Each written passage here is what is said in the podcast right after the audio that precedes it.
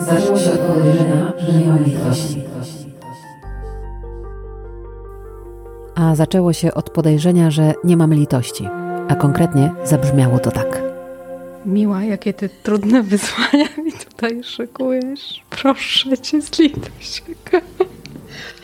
Kobieta. Uwielbiam tak, jak mówisz, tak od razu się czuję. No więc tak stoję z mikrofonem w dłoni, nadstawiam ucha, dobieram pytania ostrożnie, z uwagą. Ale czy ja mam litość? No więc właściwie o co dokładnie tutaj chodzi? Co to dokładnie jest ta litość albo tamta litość? W języku polskiego katolicyzmu, bo mi się od razu to skojarzyło, jest mnóstwo zlitowania, ulitowania, litościwości rozmaitej, tak bardzo archaicznie, ale z czym nam współcześnie się litowanie kojarzy i do czego litowania używamy, jeżeli w ogóle używamy. No i jeszcze cytat z Bułhakowa, bo to też jest takie skojarzenie dla mnie oczywiste, bo to cudny, mistrzowski cytat po prostu. A mistrza i Małgorzatę szalenie poważam, więc cytuję. To wódka? Słabym głosem zapytała Małgorzata. Na litość boską, królowo, zachrypiał. Czy ośmieliłbym się nalać damie wódki? To czysty spirytus. Tak, malownicze, ale w sumie no nie na temat, więc dalej poszukując litości dla utrzymania powagi tematu sięgnęłam po dżumę Alberta Camus. Cytuję. Człowiek męczy się litością, kiedy litość jest bezużyteczna. Ding dong, bezużyteczność. I tutaj wydaje mi się to kluczowe. Tak sobie rozkminialiśmy litość, skracając pewną i tak nie za długą podróż, i wyszło, że litość to jest uczucie równie przykre dla ofiarowującego tę litość, jak i dla przyjmującego tę litość, jeżeli oczywiście przyjmie bo taka litość nic nie wnosi, nie jest realną pomocą, nie jest jakąś propozycją wyjścia z trudnej być może sytuacji. No i jeszcze w dodatku, litościwie ten, który się lituje, toleruje to, co się dzieje i co wymaga ulitowania, czyli ten, który czuje litość albo wyraża swoją litość, tak naprawdę tego, nad kim się lituje, czy nad czym się lituje, stawia niżej. On jest wyżej.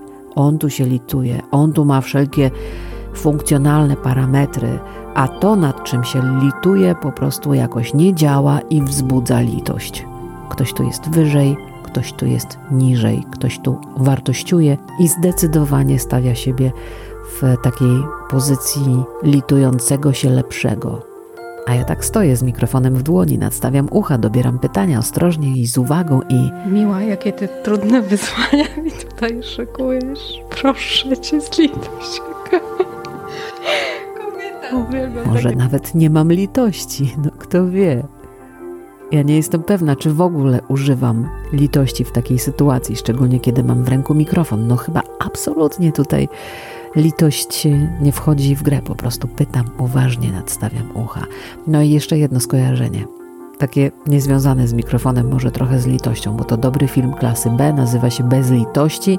W polskim tłumaczeniu to jest produkcja z 2014, zrobiona na podstawie serialu McCall z drugiej połowy lat 80. Stany Zjednoczone, oczywiście w roli głównej Denzel Washington. On gra asa amerykańskiego wywiadu, który próbuje odbić przyjaciółkę z rąk gangu rosyjskiego poprzez wymierzanie sprawiedliwości samodzielnie, bez zahamowań, czyli bez litości. No, można sobie obejrzeć. Kino rozrywkowe. Ale czy z tą litością to o to chodzi?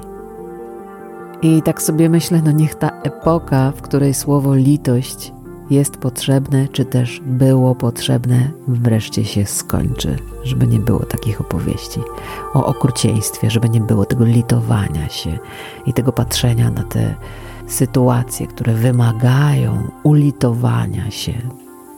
No, nie brzmi to dobrze.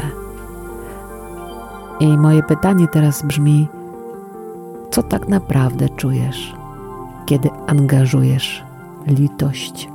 Do jakiejś życiowej sytuacji. A przy okazji można wrócić do mistrza i Małgorzaty Bułhakowa. Zawsze na litość boską królowo. Czy ośmieliłbym się? No właśnie.